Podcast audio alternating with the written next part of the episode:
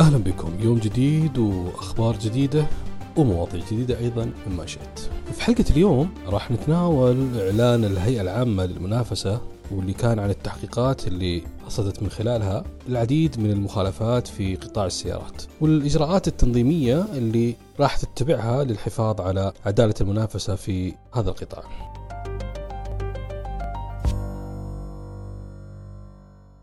طبعا أعلنت هيئة العامة للمنافسة قبل أيام عن إجراء دراسة تحليلية شاملة لسلاسل الإمداد في قطاع السيارات والأنشطة المرتبطة بها مثل مبيعات التجزئة وقطاع الغيار وخدمات ما بعد البيع. وبعد التحقيقات تم رصد عدد من المخالفات المحتملة لنظام المنافسة وأعلنت الهيئة أنها بتتحرك لرفع الدعاوى الجزائية واتخاذ الإجراءات النظامية بحق هذه المخالفات.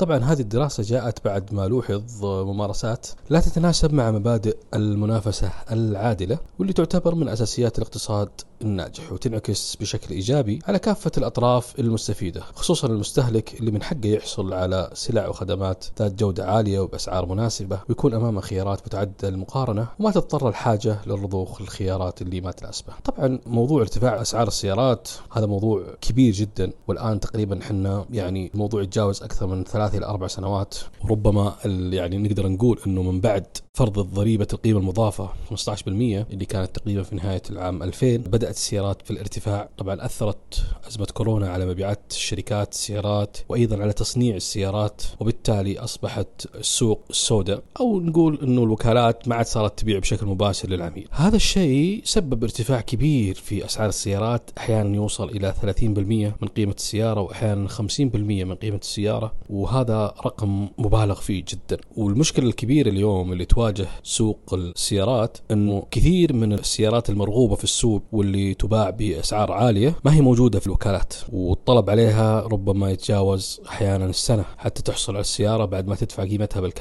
وهذا يعني وقت طويل بالنسبة لشخص يعني يحاول أن يشتري سيارة مثلا موديل 2022 وينتظر سنة جاء موديل السيارة اللي بعدها يعني. فمو بمنطقي أبدا أني أشتري سيارة 22 في عام 23 هذا بالنسبة لارتفاع السيارات ونتوقع أنه اليوم مع القرارات الجديدة إن شاء الله أنه الموضوع راح يختفي تدريجيا زي ما بدأ بشكل تدريجي. أيضا قطع الغيار اليوم خاصة السيارات الصينية صراحة. توفر قطع الغيار فيها يشكل مأساة بالنسبة للناس ويمكن اليوم شفنا تغريدات كثيرة الناس تشتكي من قطع الغيار للسيارات خاصة السيارات الصينية بشكل أساسي. والانتظار لمدة طويلة أحيانا توصل ست شهور وهذا المدة جدا جدا طويلة. أيضا تأمين السيارات البديلة من قبل الوكالة وهذا جزء من خدمة ما بعد البيع بالنسبة للوكالات والحمل الأكبر يقع على وزارة التجارة اللي ما يعني تشدد على الجهات إنها توفر سيارات للناس حتى إنها تكون السيارات البديلة جزء من الثقافة عند الشركات إنها ما تأخذ سيارات كلها تعطيك سيارة بديلة.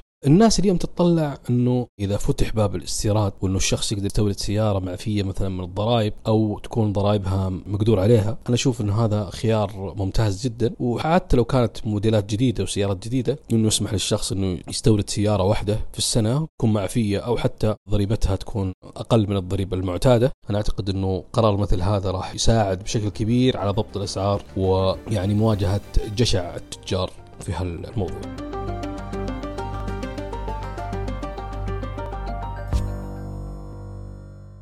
في منشأة التقينا بالكاتب الصحفي والمختص بقطاع السيارات الأستاذ ماجد الشيخي وسألناه في البداية عن الأسباب العامة محليا وعالميا لارتفاع أسعار السيارات وقطاع غيارها. أكبر الأسباب العالمية لارتفاع أسعار قطع غيار السيارات هي أزمة كورونا اللي حلت على العالم كله تقريبا. قفلت الكثير من المصانع الكثير من المصانع خسرت في ذيك الفترة فحبت الكثير من المصانع بعد ما رجعوا اشتغلوا أن يعوضوا خسائرهم. فكان فكانت هذه النتيجة أنه والله رفعوا أسعار قطع غيارهم عشان يعوضوا الخسائر اللي حصلت لهم أبان أزمة كورونا. محليا آه، شفنا ارتفاع في الضريبة عندنا من 5% إلى 15% فارتفعت الأسعار بشكل أكبر أصبح عندنا 15% ضريبة.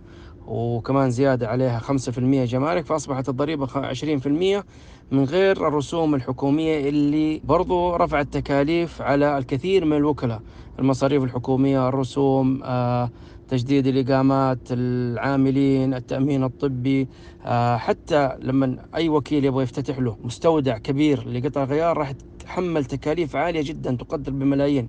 فطبيعي جدا إنه الوكيل راح يحمل هذه التكاليف على أسعار قطع غيار اللي هو حيجيبها وحيبيعها على العملاء.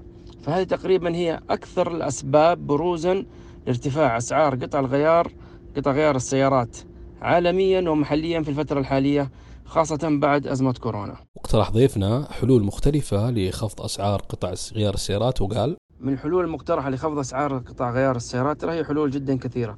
أولها يعود لك أنت كمستهلك يعني ممكن تقدر تطلب قطع غيار سيارتك عن طريق بعض المواقع العالمية المعتمدة اللي تضمن إنه قطع غيارهم أصلية وفي نفس الوقت راح تلاقي ممكن أسعارهم أقل من أسعار نفس القطع هنا في السوق المحلي ب 30 40 50 إلى 70% هذا أمر، الأمر الآخر نتمنى من الجهات الحكومية ذات العلاقة إنه أول شيء يوسعوا سوق دخول بعض قطع غيار السيارات المستعملة والمستخدمة من الخارج بحيث إنه تكون بشكل أوسع بشكل أشمل. طبعا لا طبعا طبيعي جدا راح تكون إنه حسب المواصفات والمقاييس هذا الأمر. والأمر الثاني إنه إنشاء مناطق حرة بحيث إنه تدخل قطع غيار السيارات عبر المناطق الحرة هذه بدون جمارك وبدون ضريبة. بكذا إحنا وفرنا حاليا مع ضريبة 15% والجمارك 5% نكون قد وفرنا تقريبا 20% من التكلفة الإجمالية لقيمة قطع الغيار.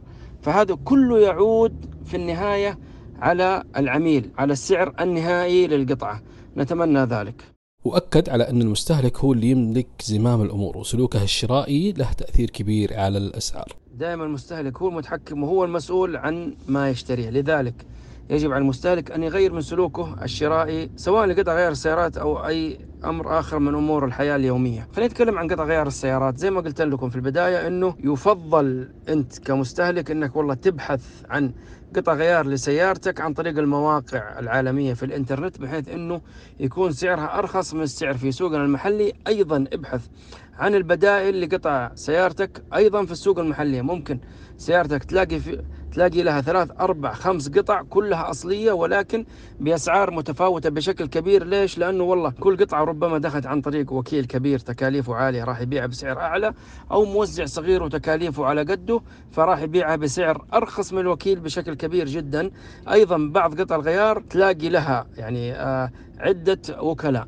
يكون الوكيل الرئيسي في المملكة غير أنه يكون هو نفس المصنع له محل خاص هنا له يبيعها في السعودية فبكذا راح تلاقي أنه الأسعار متفاوتة آه، بين أسعار القطعة نفسها. يعني ممكن يكون الفرق يصل إلى 25 30% في بعض القطع ممكن ربما أكثر. فيجب على المستهلك أنه يبحث أكثر وأكثر عن عدة أو عن بدائل لقطع الغيار اللي هو يبغاها لسيارته. وسألناه عن الجهات الثانية اللي من المفترض أنها تقوم بأدوار إضافية تساند ما قامت به الهيئة وكان هذا رده طبيعي جدا أنه عندي بعض الجهات الحكومية اللي يجب أن تقوم بأدوار إضافية جنبا إلى جنب مع هيئة المنافسة. خلينا نقول وزارة التجارة قد تكون هي آه، من أهم الجهات الحكومية اللي مسؤولة عن أسعار قطع غيار السيارات. بحيث أنه تحاول توازن ما بين أسعار قطع غيار السيارات في سوقنا المحلي سوقنا السعودي مقارنة إلى حد ما بقطع غيار السيارات في السوق الخليجي. جيراننا إحنا ما راح نروح بعيد ولكن نقول في السوق الخليجي برضو ما ننسى دور هيئة المواصفات والتقييس في المحافظة على آه، خلينا نقول جودة بعض قطع الغيار السيارات المهمة والتي يعني خلينا نقول تدخل في الأمان والسلامة في السيارة. فممكن بعض الوكلاء لا قدر الله يلجأ إلى تقليل الجودة آه، في قطع الغيار سياراته بحيث إنه يبيعها بسعر أقل للمستهلك. ولكن في النهاية المستهلك هو المتضرر الأول لأنه سعر أو عفوا لأنه جودة القطعة قلت فبذلك عمرها الافتراضي أصبح أقل. فبذلك في النهاية يكون هو دافع مبلغ على قطعة قد يكون عمرها الافتراضي قليل جدا.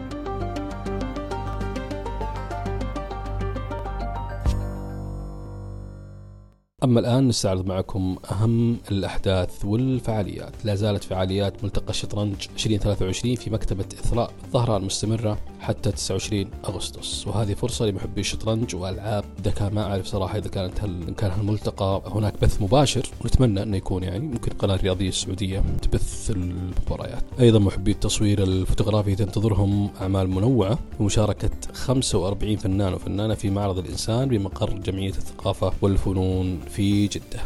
وصلنا لختام منشية اليوم موعدنا معكم غدا بإذن الله في أمان الله.